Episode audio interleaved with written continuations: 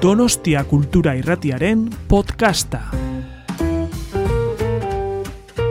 Arratsaldeon eta eskerrik asko etortzeagatik, plazera da sala horren beteta ikustea, supongo talde polita egin dugula, ez? Futbolaren lagunak eta literaturaren lagunak edo futbola eta literaturaren laguna, ze hori da Corner Festivalaren grina, ez da? Kultura eta eta futbola elkartzea.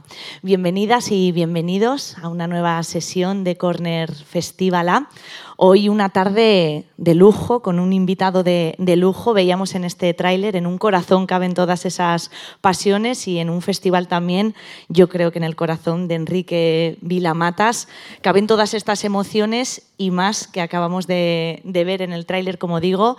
Sabéis que es un maestro de la literatura, tiene más de 30 obras escritas y seguro que también sabéis que es un apasionado del fútbol o un culé apasionado. Mm, lo vamos a, a, descubrir. Enrique, como decimos aquí, Onguietorri, gracias por venir, ¿qué tal estás? Eh, recién llegado, no se puede, literalmente recién llegado. Y tanto. Casi aterrizado. Decía que apasionado del fútbol o un culé apasionado. ¿Con qué te identificas más? Pues muy apasionado no lo he sido nunca. Soy, lo que digo siempre es nací y era del Barça. Esto es una explicación. ¿Por qué? Pues porque nada más nacer fui sin que me enterara me hicieron del Barça y así sigo. ¿No te dieron a elegir? No, pero por ejemplo, recuerdo cinco años, seis, un, un, un, álbum de cromos de futbolistas que había que pegar con y medio, si no me acuerdo mal, y yo no sabía ni siquiera que era fútbol aquello, es decir, que lo empecé a coleccionar sin saberlo.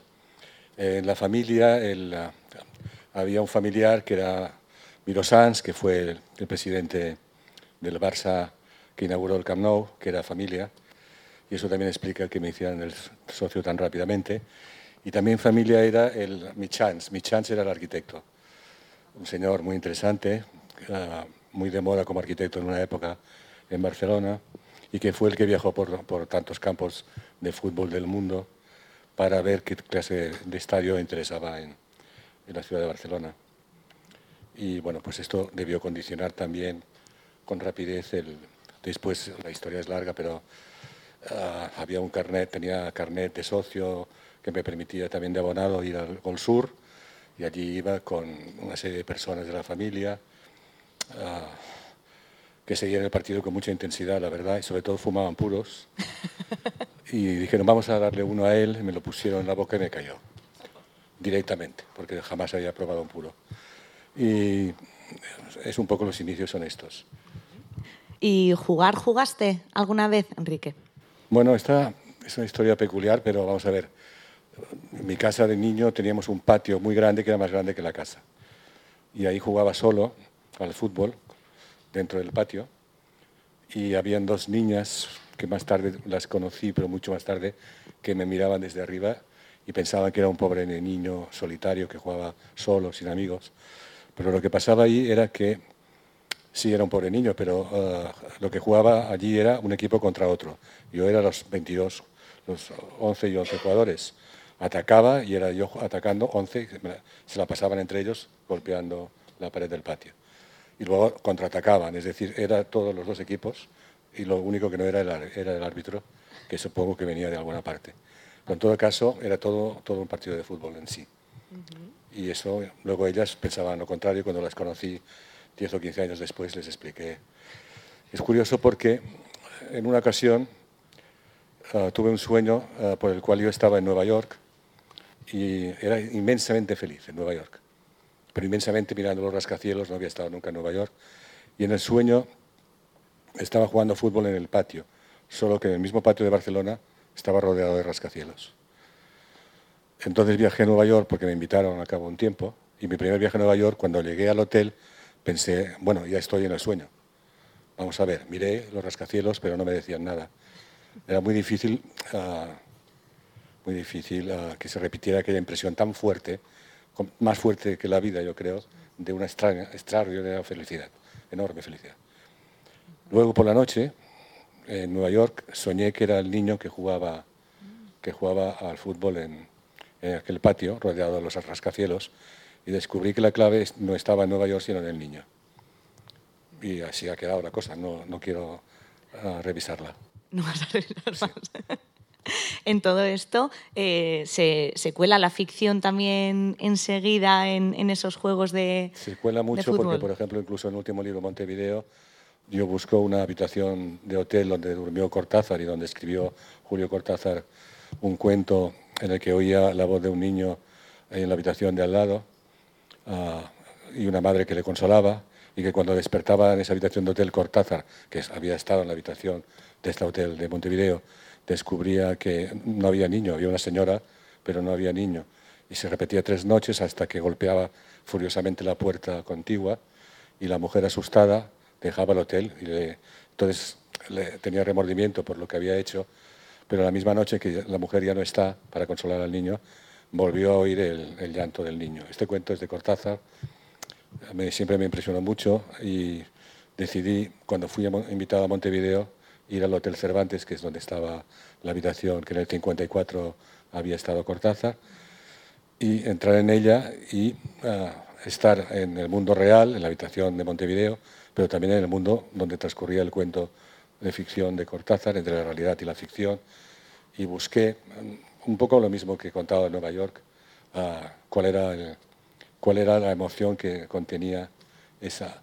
La emoción pensé que se concentraba en la puerta contigua misma, que estaba detrás de un armario, donde había una crítica literaria argentina, Beatriz Sarlo, que había dicho que ahí, en el cuento de Cortázar, se conjugaban realidad y ficción en un punto mismo de la puerta, y era eh, a través del paño de esa puerta, abriéndola, donde se entraba en, la, en, la, en lo fantástico, en el género fantástico. Entonces empecé a escribir Montevideo con la idea de llegar un momento determinado a, al hotel y a esa habitación y saber lo que había la puerta, detrás de la puerta contigua. Escribí con ese empuje y cuando llegué a, a Montevideo en la ficción, desde casa en Barcelona, uh, pues descubrí lo que descubrí, lo, lo, que había en la puerta contigua, entre otras cosas. Uh, ahora ya puedo decirlo porque el libro circula hace tiempo, antes lo callaba, pero entre otras cosas una migala, una, una, araña latinoamericana gigantesca, que al principio creo que está viva y luego descubro que está muerta, etcétera. Uh, yo escribí todo, el libro en realidad para saber que había en la habitación contigua.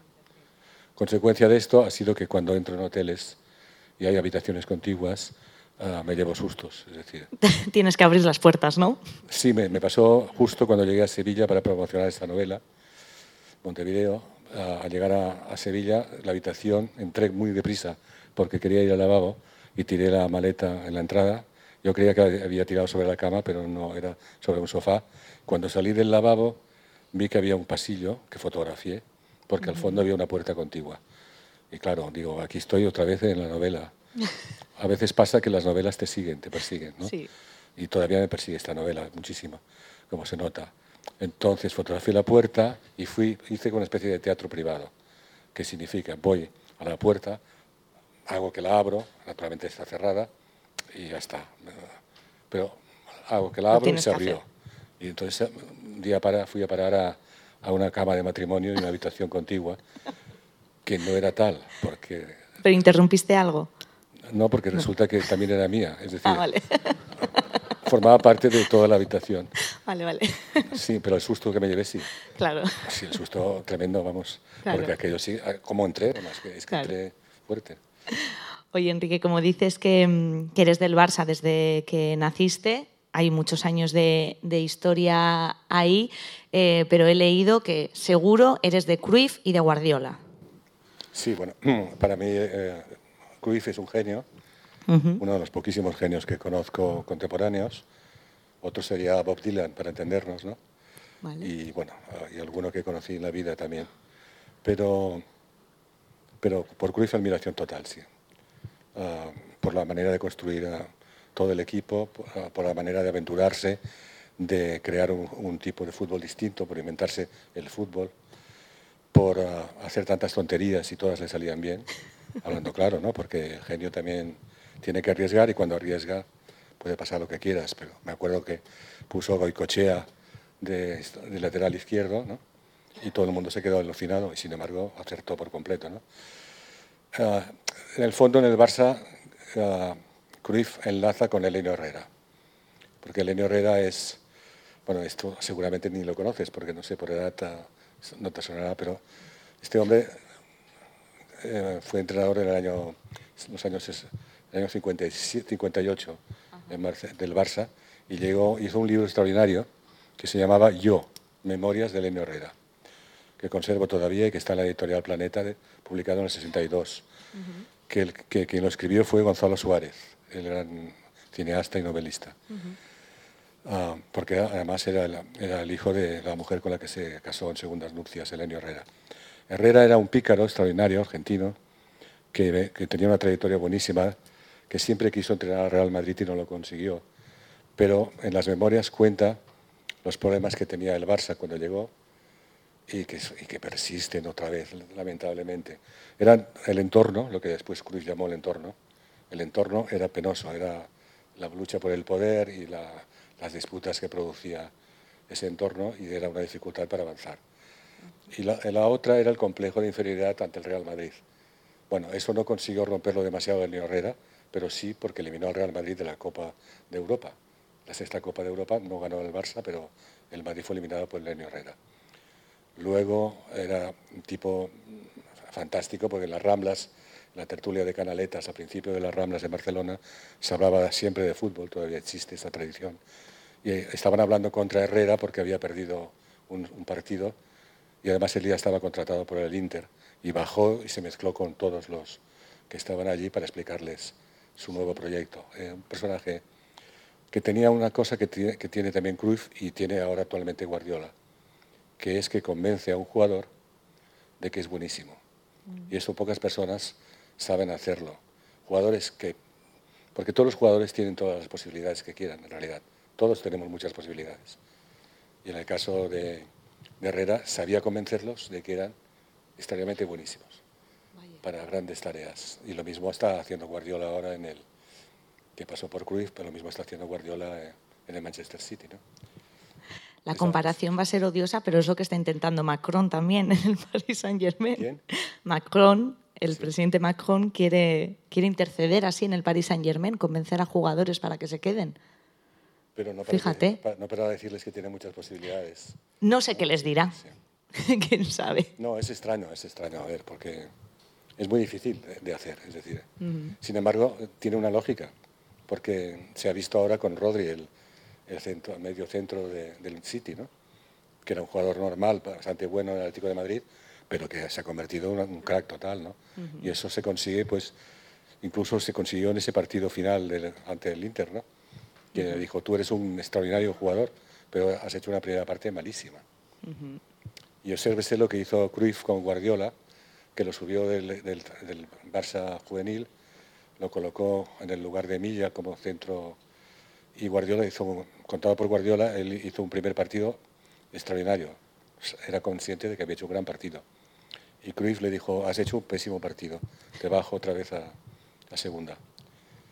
Entonces, volvió a jugar en segunda, lo volvió a subir a, al Barça al cabo de un tiempo y, y, y Guardiola hizo un, un, malísimo partido y Cruyff le dijo, has hecho un muy buen partido y lo mantuvo un tiempo.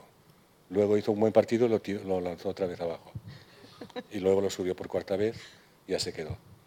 Todo esto es como una psicología extraña, uh -huh. pero que es como abatir la fuerza juvenil, el ímpetu de creerse el mejor del mundo también, claro y por lo tanto tenía un sentido también.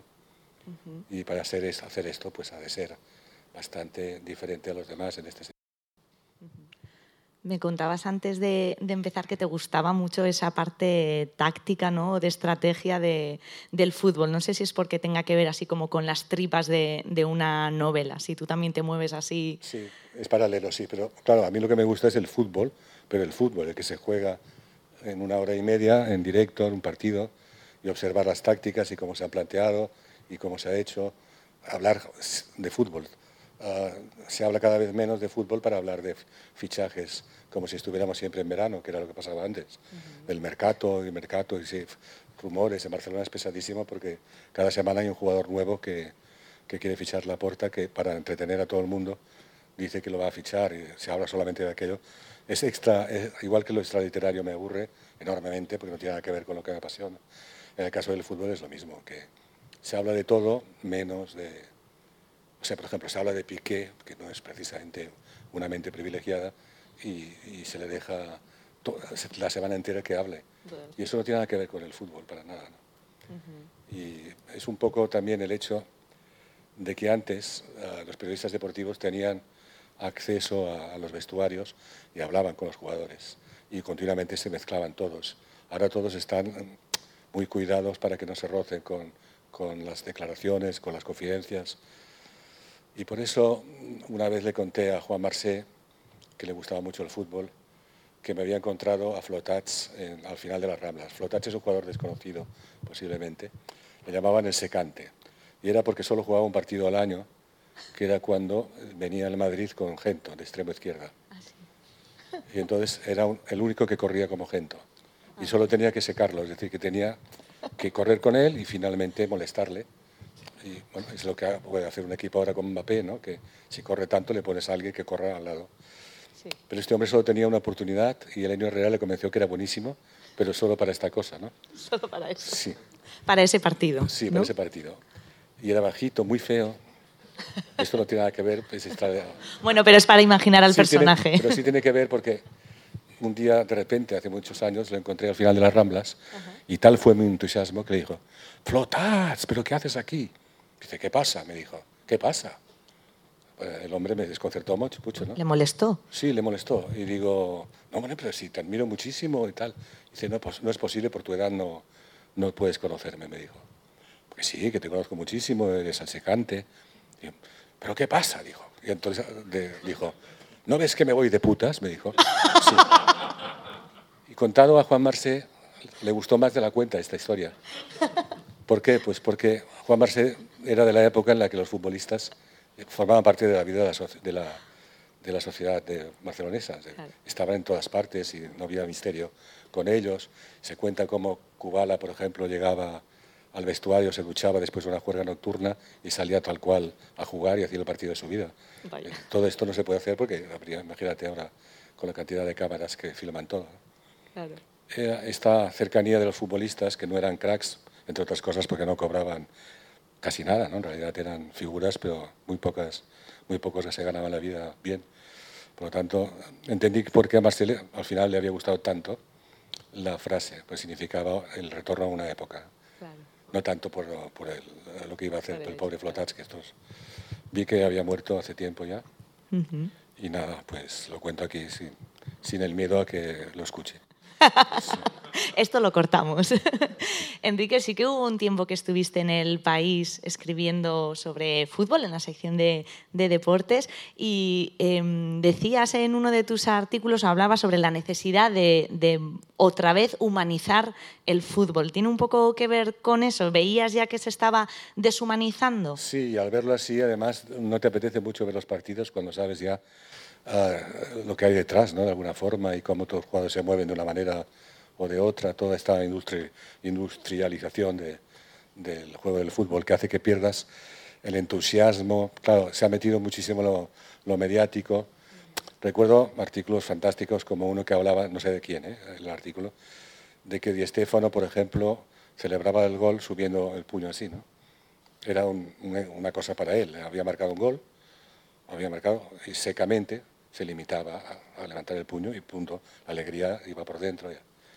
Pero la cantidad de cosas que se hacen ahora cuando marcas un gol para salir en todas las televisiones, pues no es que sea obscena, pero es un poco grotesca. Y, entonces prefiero, claro, ese fútbol más real, más auténtico, más, ah, sí, más auténtico, sí.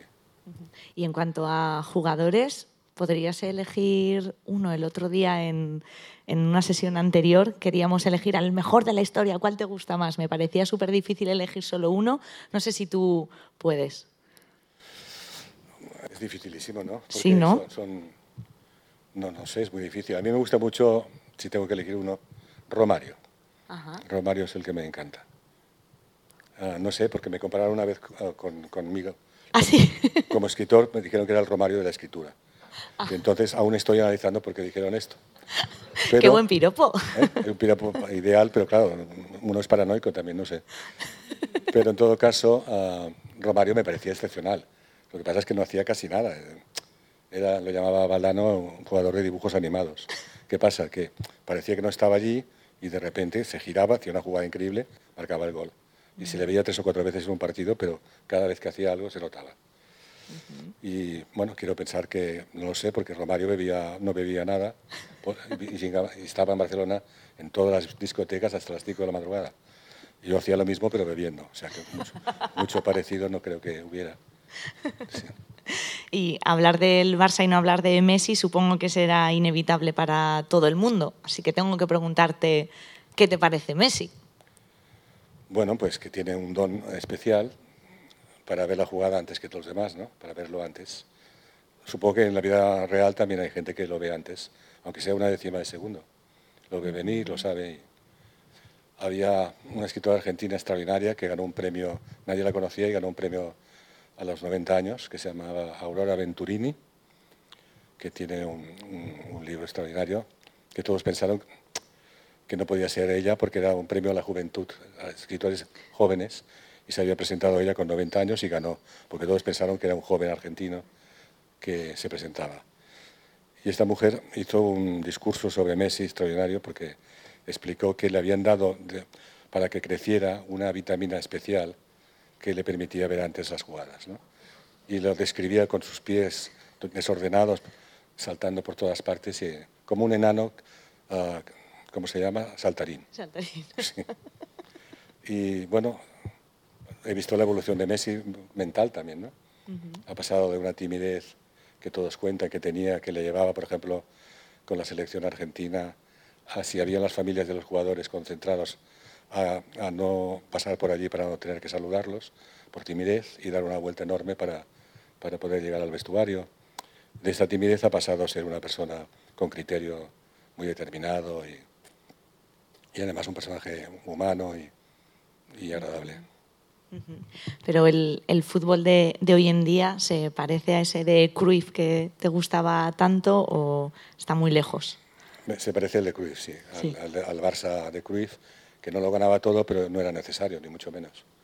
es que también no es necesario ganar, se trata de divertirse, jugar para divertirse. Si ganas, mejor.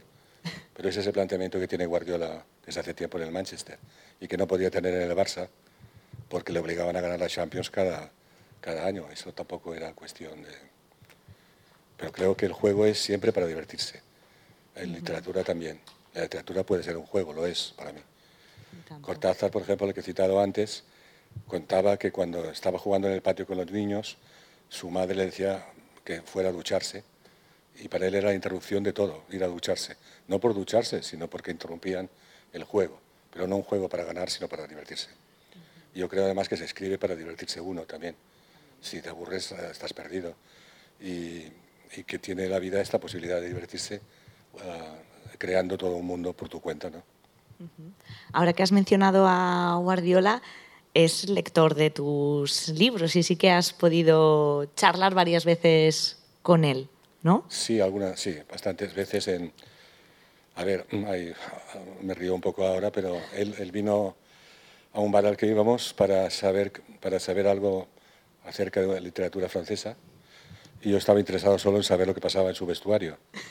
Y entonces fue un encuentro que no, no, no funcionó mucho porque había... Después cené con él y con Ramón Besa, el periodista del país, con Steve Ancelli, periodista del país, con la mujer de Guardiola, en una cena junto al mar en Barceloneta. Y recuerdo una pregunta que me hizo que me llamó mucho la atención, que fue, ¿cómo es París?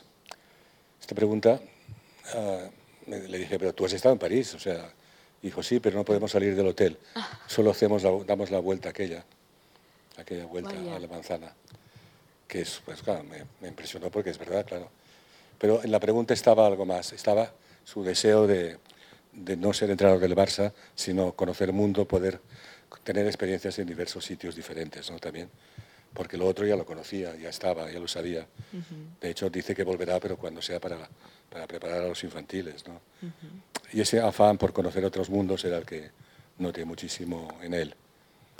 Y luego una noche tremenda, ¿no? Estaba Paula también esta noche que vino con Figo, antes de que Figo nos traicionara, y que vino también con Luis Alegre, un amigo, personas de aquí lo conocen, que era amigo de ellos, Y entró, bueno, resultaba que el guapo era Figo. El guapo era Figo. Y entonces hubo peleas matrimoniales a la salida de, de, la, de la reunión por, por culpa de Figo.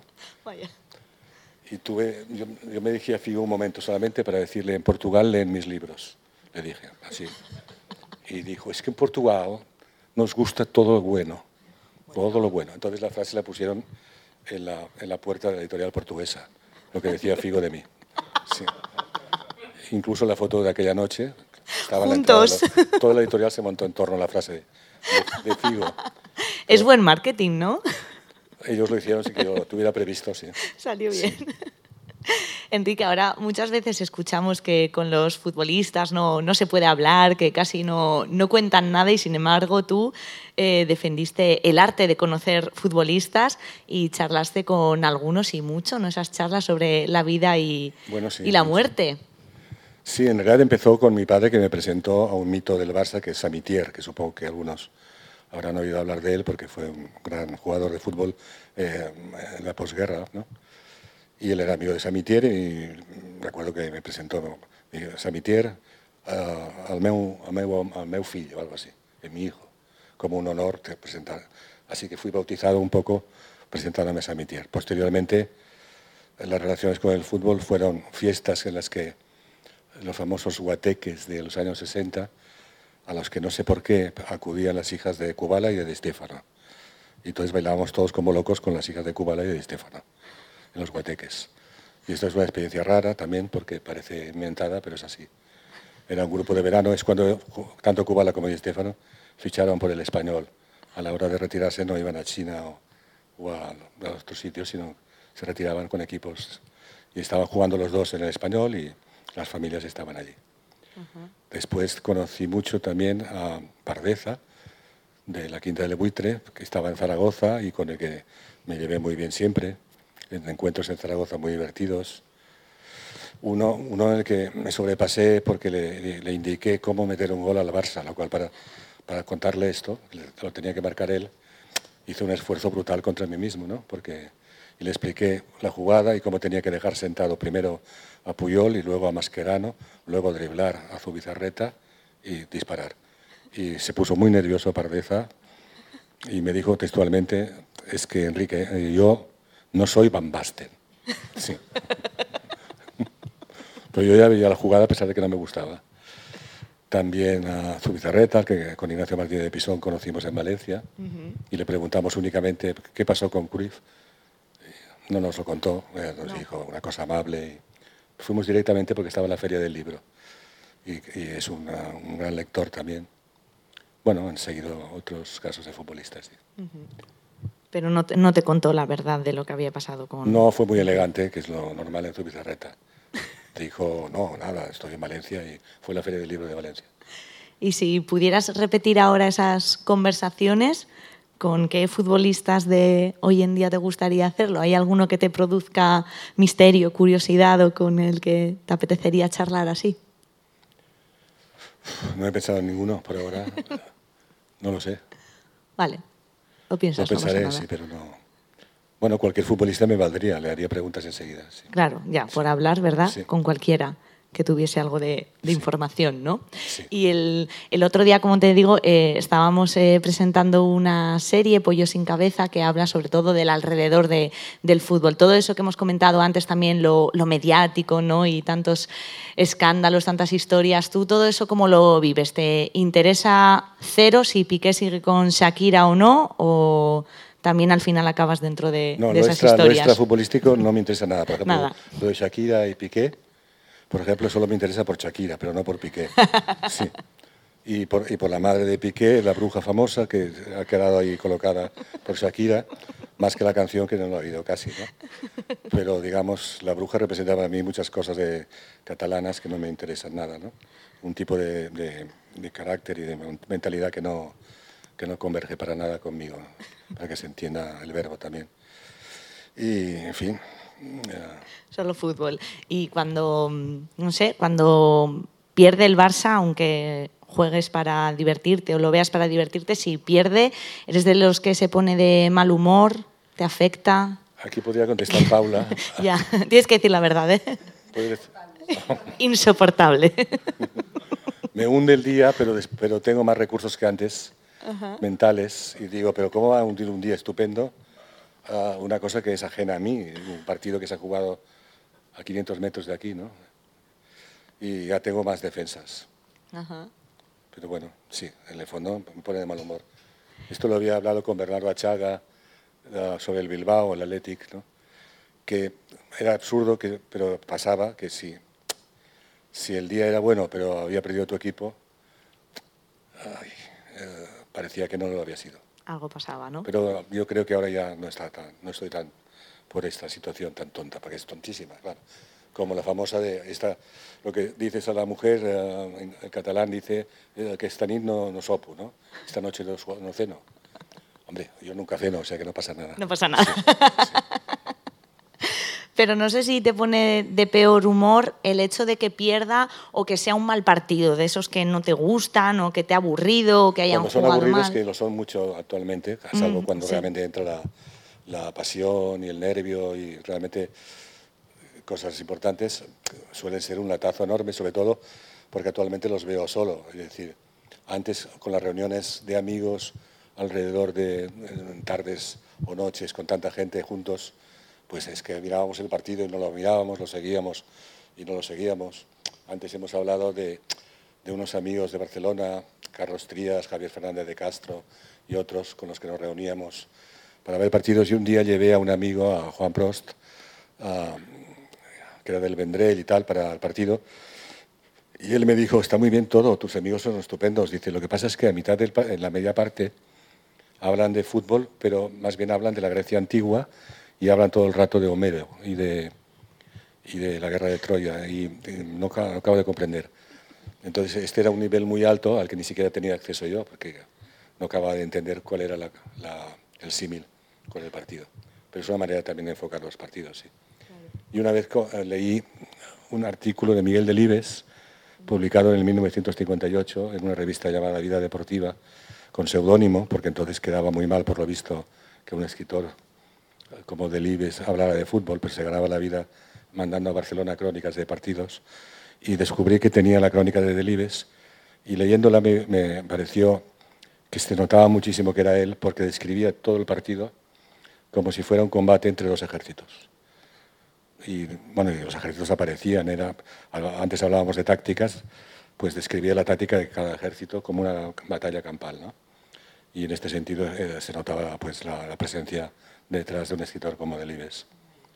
Admiro también la- las crónicas que hacía Gonzalo Suárez, que fue el pionero en, en escribir de fútbol en el Noticiero Universal, cuando yo tenía muy pocos años, que se llamaba Martín Girard, él, seudónimo, y que eran estupendas, era el descubrimiento de el primer cronista deportivo que sabía contar un partido de manera como... De hecho, él también escribió una novela que se llamaba Los Once y Uno, que era la retirada de Ge- Genofonte, un símil con, con lo griego, ¿no? Un poco. Y después de Gonzalo Suárez ha habido crónicas que me han gustado mucho también, de Ramón Besa, de Valdano. Ah, Ramón Besa nos reunió a mí y a Javier Marías para un, para un encuentro. En- es la única vez que he dialogado en público con Marías en Barcelona sobre Madrid y el Barça. Y esto era, vino hasta mi familia porque querían saber cómo acababa aquello. ¿no? Y- y- Por la pelea. Sí, sí. Y bueno, pues yo consciente de que estaba con un público a favor, en ningún momento trasla- tras- traspasé tra- esta línea roja, sa- salvo un momento, un momento, que dije que el Madrid había sido el equipo de Franco. En ese momento sí se produjo, se produjo una reacción muy rápida de, de Marías, no negándolo, pero diciendo que el Real Madrid era otra cosa y que era un equipo del pueblo, tal. Y ahí atacó a la porta y no creí conveniente salir en defensa tampoco de uno ni de otro y ahí lo dejé estar un poco. Po- Se me culpó de no haber dicho que, que era otra cosa la porta, pero tampoco es- estoy tan convencido de que lo sea. Ya. Es decir, que mejor no haber dicho nada. El partido quedó empate entonces. Él dijo que yo estaba muy elegante al, al no volcar al público contra él, que tenía razón en realidad, pero no lo había...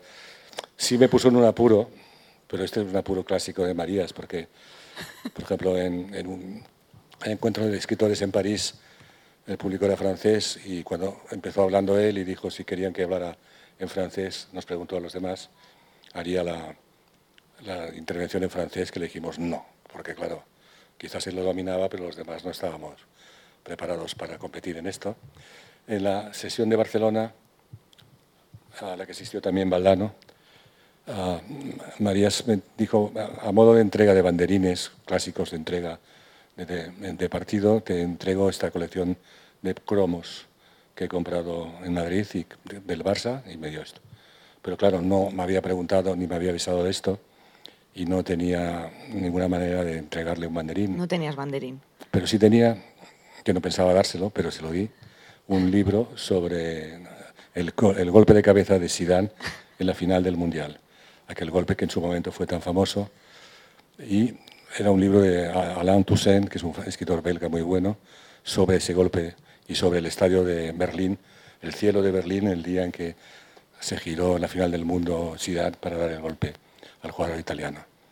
Y, y le dije, va para, para ti eh, este libro sobre Zidane, que no, supongo que no lo esperaba y que situó la cosa en el mismo nivel. Yo hubiese cantado gol ahí, ¿eh? Sí.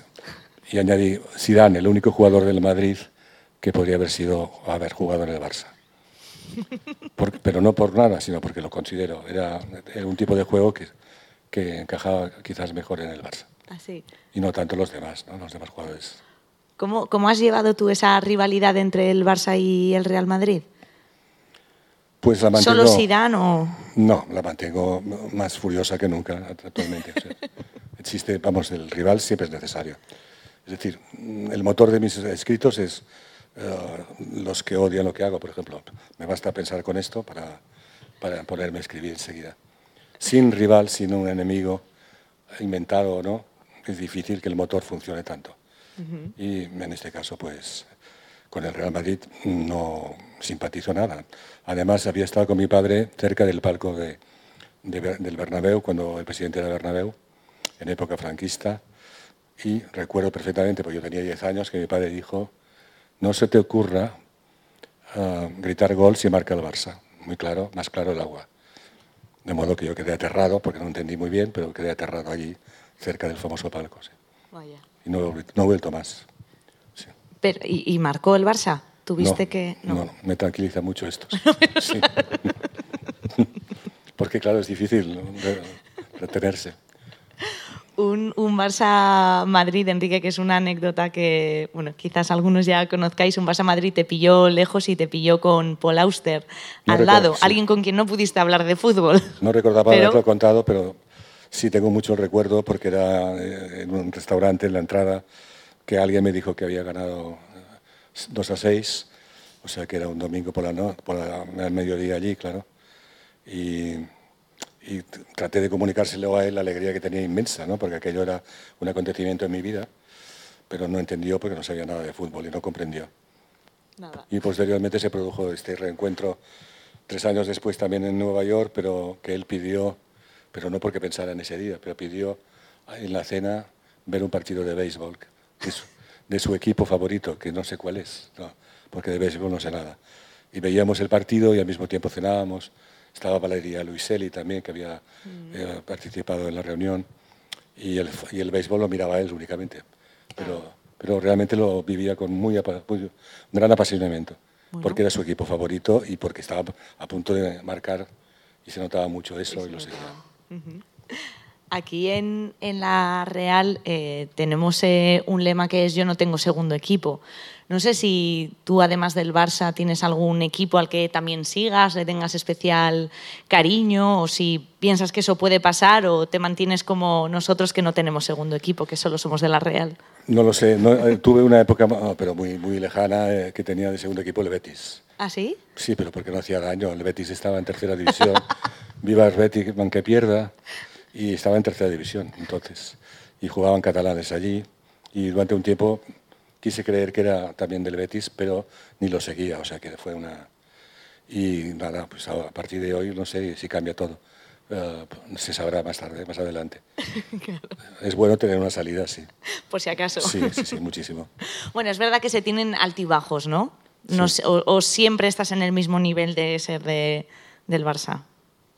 No, siempre no. O sea, hay días que ni siquiera. O sea, hay veces en que veo que van a marcar el gol al Barça, lo veo, ¿no? Lo veo, no como, como Messi, pero veo que el equipo lleva, eh, al contrario, avanza desde hace 10 minutos y veo que es evidente. Y como lo veo, pues entonces, si lo veo solo, me voy a la cocina. Y efectivamente, en la cocina oigo el gol estrepitoso de Movistar, que ya no hace falta ni que me mueva de la cocina.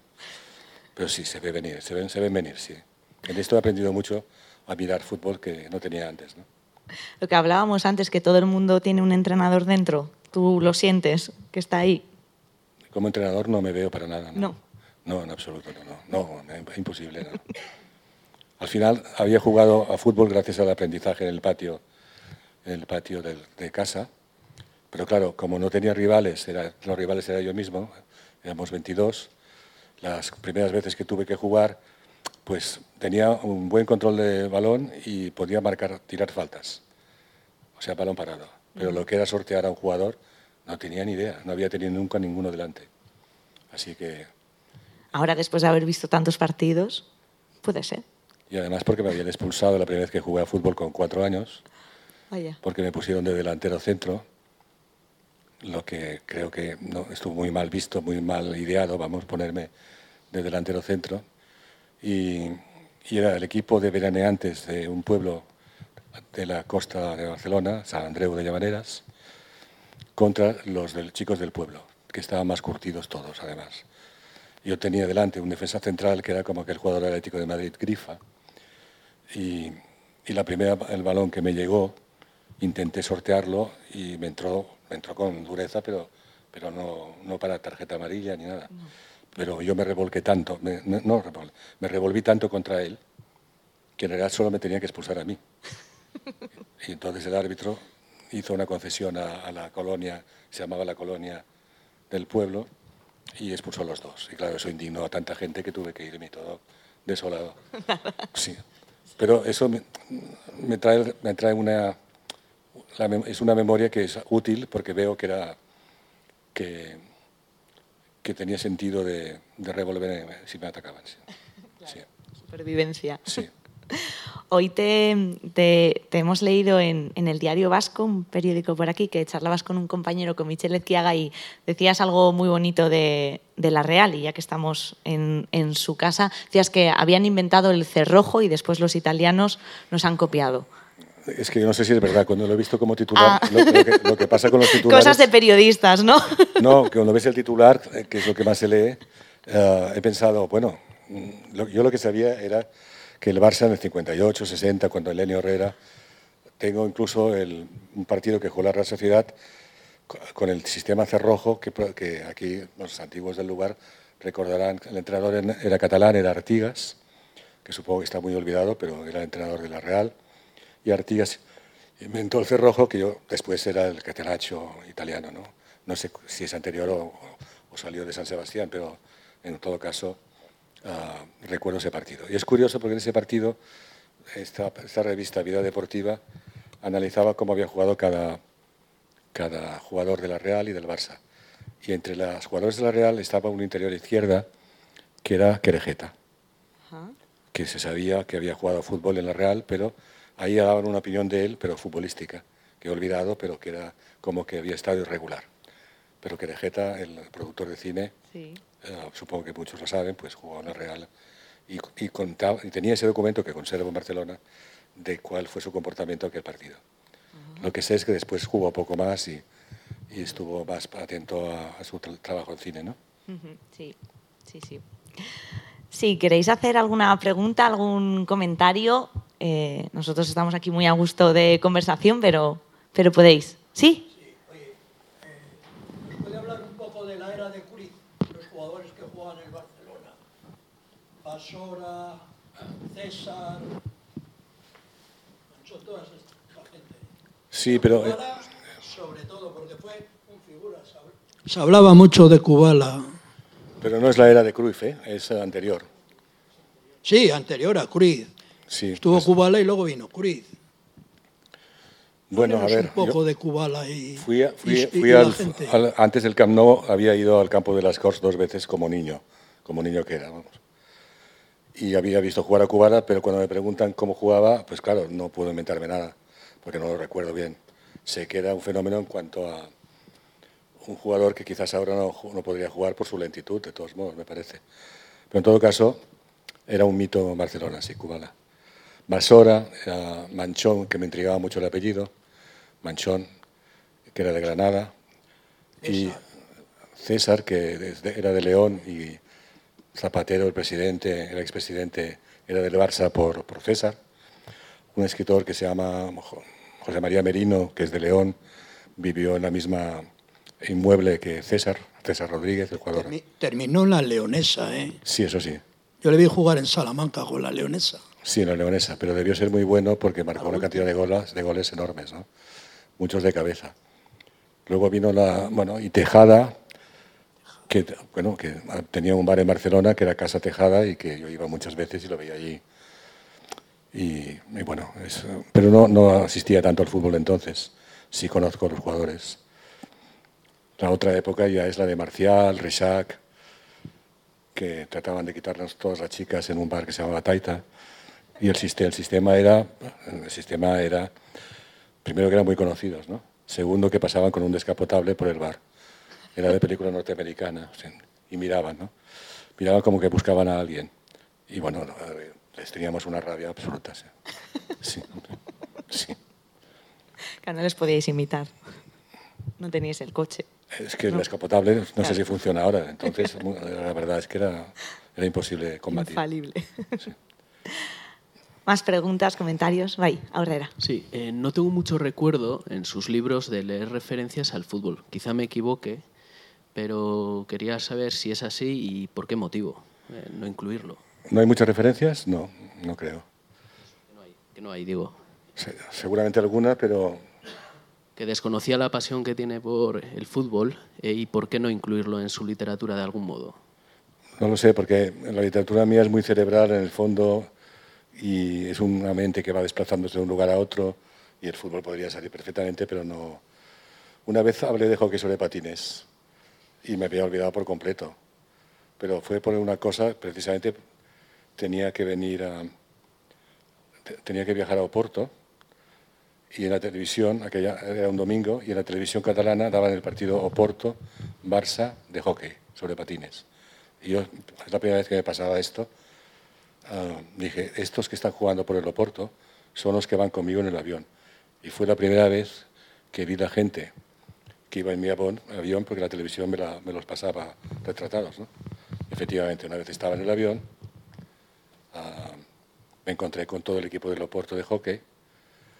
Entonces era una época en la que se podía fumar atrás, yo estaba atrás y vino el entrenador del Oporto y me pidió si le molestaba que se sentara conmigo un momento que tenía que fumar. Naturalmente yo le dije, yo a usted le conozco ya de esta mañana porque le he visto en la televisión, etc. Y bueno, esto fue la única vez que he hablado de, hockey. Y esto sorprendió tanto al entrenador de hockey sobre patines del Barça actual, que resulta que es un gran lector y que ha leído todos mis libros, que pidió conocerme y fui a ver un partido de hockey el otro día, hace muy poco tiempo, ah, que no había visto en mi vida jugar a hockey, en directo, vamos. Y, y bueno, me he hecho muy amigo de él, gracias a haber contado esta historia. En otra ocasión vine a, San Sebastián para, para, una actuación con Bernardo Chaga y los que me habían invitado tenía fama yo de que me pasaban cosas raras, que, porque yo creía que me pasaban cosas raras. Y lo decía mucho en los artículos en el país Cataluña y otra gente protestaba. Entonces, a, mí, a nosotros también nos pasan cosas raras y, y, tú solo hablas de que te pasan cosas raras a ti. Y dije, no, pero es que las cosas no son raras las que veo, las vuelvo raras yo.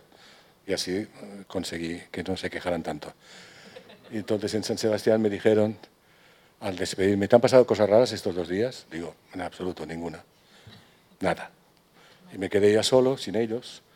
Y nada más irse ellos, entré en el bar de, de, del aeropuerto y vi a un grupo de hombres muy forzudos, unos siete o ocho, cantando, cantando a coro. Y pensé, bueno, mm, esto es, esto es la coral Donostiarra, pensé, o algo así, ¿no? Pero tampoco me cuadraba mucho. Luego vi que en la máquina de tabaco la levantaban de golpe intentaban destruirla. Y pensé, me están pasando cosas raras. Sí. Pero siempre pensé que no irían en mi avión. Pero tampoco habían más aviones, había un avión a Barcelona. Y finalmente entraron conmigo todos y veo que uno de ellos discute con la azafata y le hace una llave de judo y la tira, y la tira al suelo. Y eso sí que ya era raro, digamos. Sí, a continuación ah, entró un guardia civil, creo que había dos, que fueron los que pidieron refuerzo a la. Y uno de los dos guardias civiles dice, aquí quién es el presidente, quién es la figura del equipo, el crack, quién es el entrenador, que, se, que, se, que lo digan. Y tres dijeron, cada uno, pues quedan arrestados ustedes. O sea, descabezaron a, a un equipo de rugby francés. Pero claro, el equipo de rugby, al verse sin sus jefes y figuras, se rebeló muchísimo y armaron un follón tan grande, incluso hubo un momento que me querían pegar a mí porque les miraba, solo, so- solo por pegarles, digo, por mirarles. ¿no? Entonces veo que el avión no sale, que fue lo que más me preocupó de todo. ¿no? Y veo que han bajado del avión, pero se han puesto delante del avión para impedir que salga el, eh, para impedir que salga el vuelo y, para reclamar, la para reclamar que les devolvieran a sus jefes. Y a continuación llegó la Ensainza y hubo un momento en que empezaron a actuar, a porrearlos. Con, yo estaba encantado porque, claro, quería volver a Barcelona y los fueron metiendo, que visualmente fue lo que vi, les iban metiendo en una habitación a todos, donde ya estaban el crack, el presidente y tal.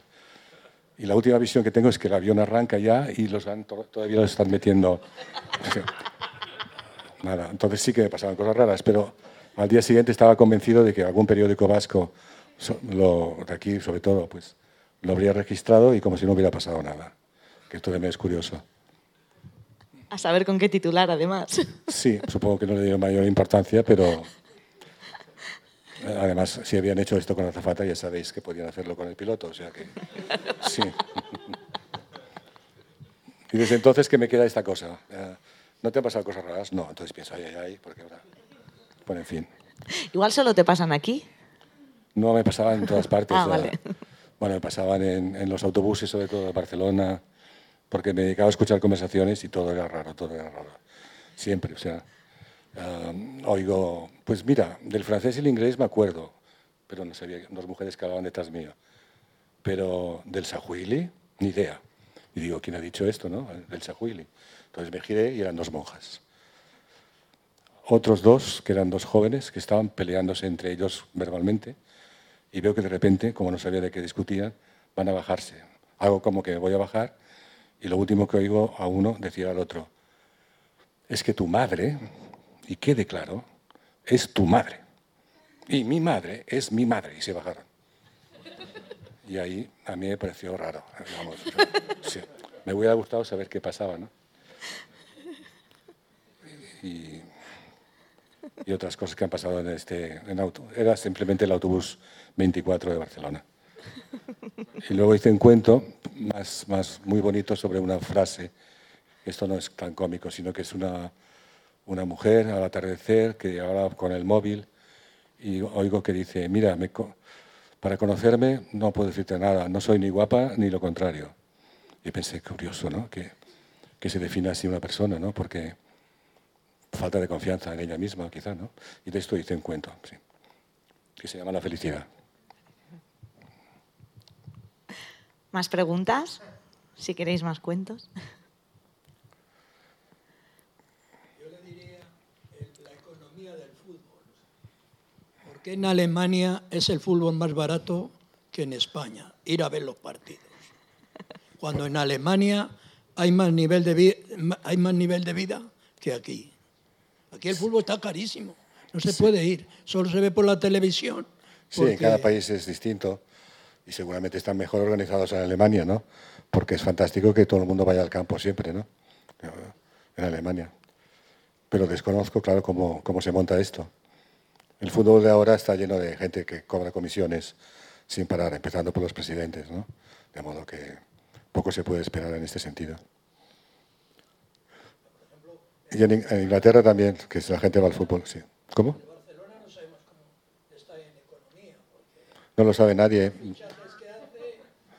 No, yo me dedico a mirar programas deportivos en catalán y veo que no saben nada los periodistas. No, no, no tienen información.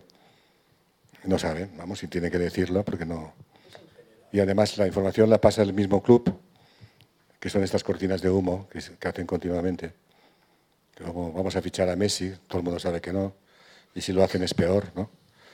Pero es para distraer, ¿no? Mientras ellos no trabajan. De pronto se ponen a trabajar el último día de, de, de agosto, pero y con comisiones extraordinarias, ¿no? El hombre que fichó, Deco, el hombre que fichó a Rafinha del Barça, lo ficharon por 55 millones, un jugador que vale 20, vamos. Y no se entiende. Y ahora este mismo Deco va a ser el secretario técnico, lo cual ya es como rizar el rizo. Y esta desconfianza hacia todo este poder que hay detrás, económico que hay detrás del fútbol, hace que se haya perdido, no diré el romanticismo, pero sí que se ha perdido la, la idea de que es veraz todo y de que todo está como antes en este sentido. Ahí. Enrique, eh, mañana, si tenemos suerte, haremos un cuestionario corner, pero quería sí. adelantar una de las preguntas que, que, te haremos para compartirla hoy aquí. Y es, eh, bueno, esta sección es Visiones del Fútbol. Y quería preguntarte, ¿qué crees tú que tiene el fútbol para haber sido, para haber llegado a ser este fenómeno global que arrastra tanta pasión, dinero, interés, atención? ¿Por qué este juego de 11 contra 11 ha llegado a, a esto? Mm, es que se han dado muchas explicaciones de esto y ninguna es muy convincente, ¿no? No sé qué opinarás tú, pero se dice que, que es imprevisible, que esto es verdad cada vez más. Pero ahora esto de que es imprevisible ya me hace sospechar que está preparado para ser imprevisible, o sea que caigo en la misma, en la misma sospecha, ¿no? Esa final de Argentina en el Mundial, pues yo que, bueno, casi me trago los cacahuetes que tenía preparados para ver la final tranquilamente, ¿no? En los últimos diez minutos, porque claro, me superó tanto lo que veía que ahí sí que hay un guionista extraordinario, ¿no? Pero vamos, y esto que no iba ni con Argentina ni con Francia. Seguía dudando, todo el partido dudando. No, tiene, quizás es esto, que, que es, digamos, algo que, que en el nacimiento se, se queda enraizado con uno, que va ligado a tu propia familia, que va ligado a, a un sentimiento que te hace ser de un solo equipo y no, y no cambiar nunca. Y si cambias, eh, tienes que ser muy, muy extraño, porque no es algo que va contigo y dura toda la vida, por lo visto.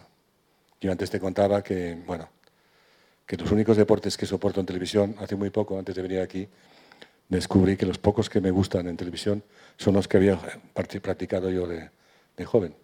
Muy pocos, el tenis, el, uh, uh, eh, atletismo en los 1500 metros, donde fui malísimo como, como corredor, malísimo, vamos, eh, llegaba siempre el último, quiero decir. ¿no?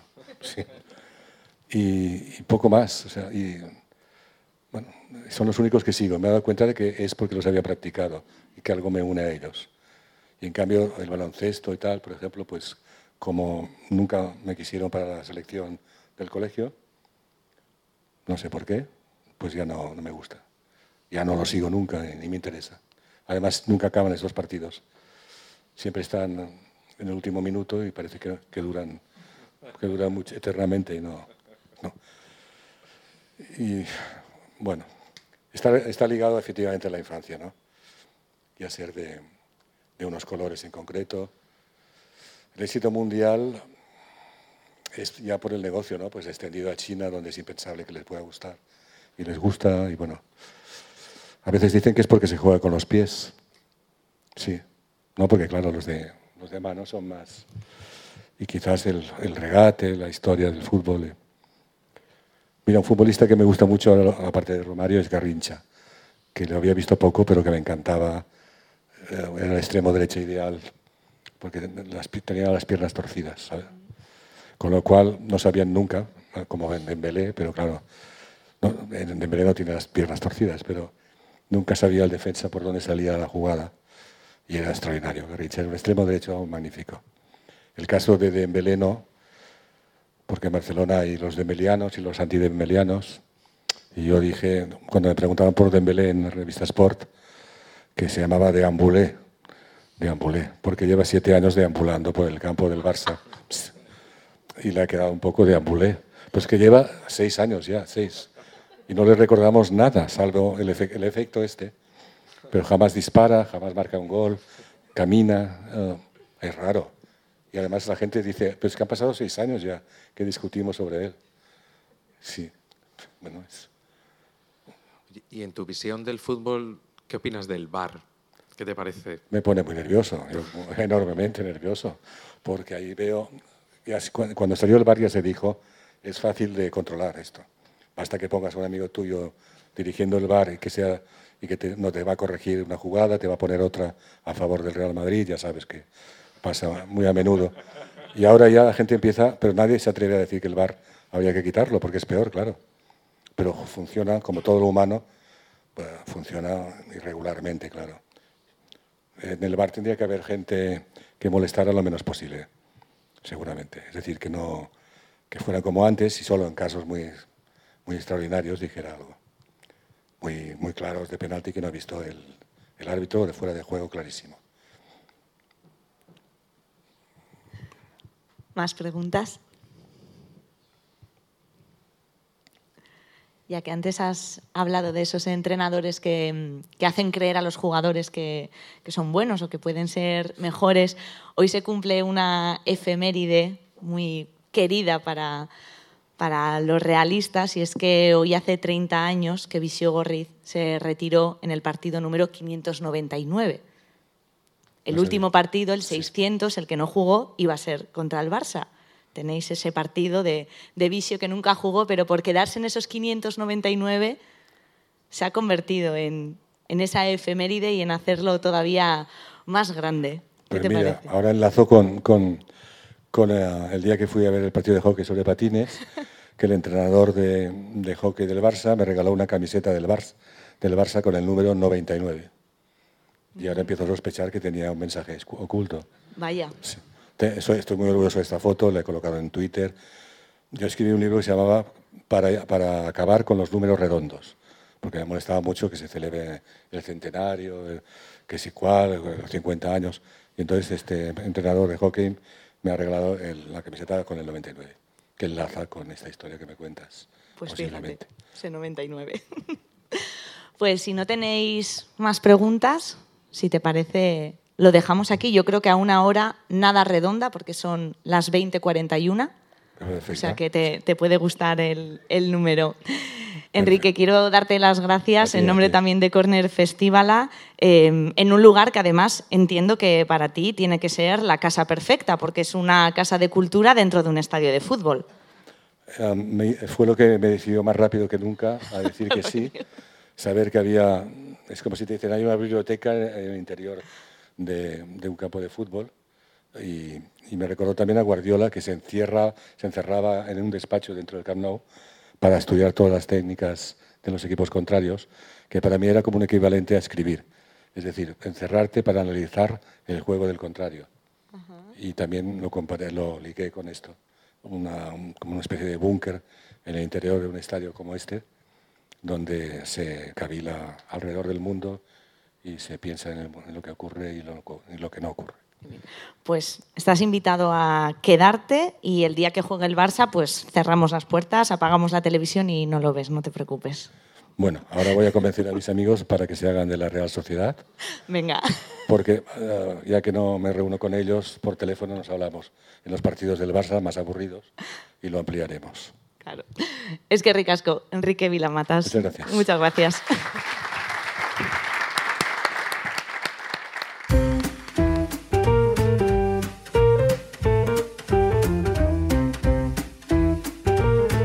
Donostia Kultura Irratiaren podcasta.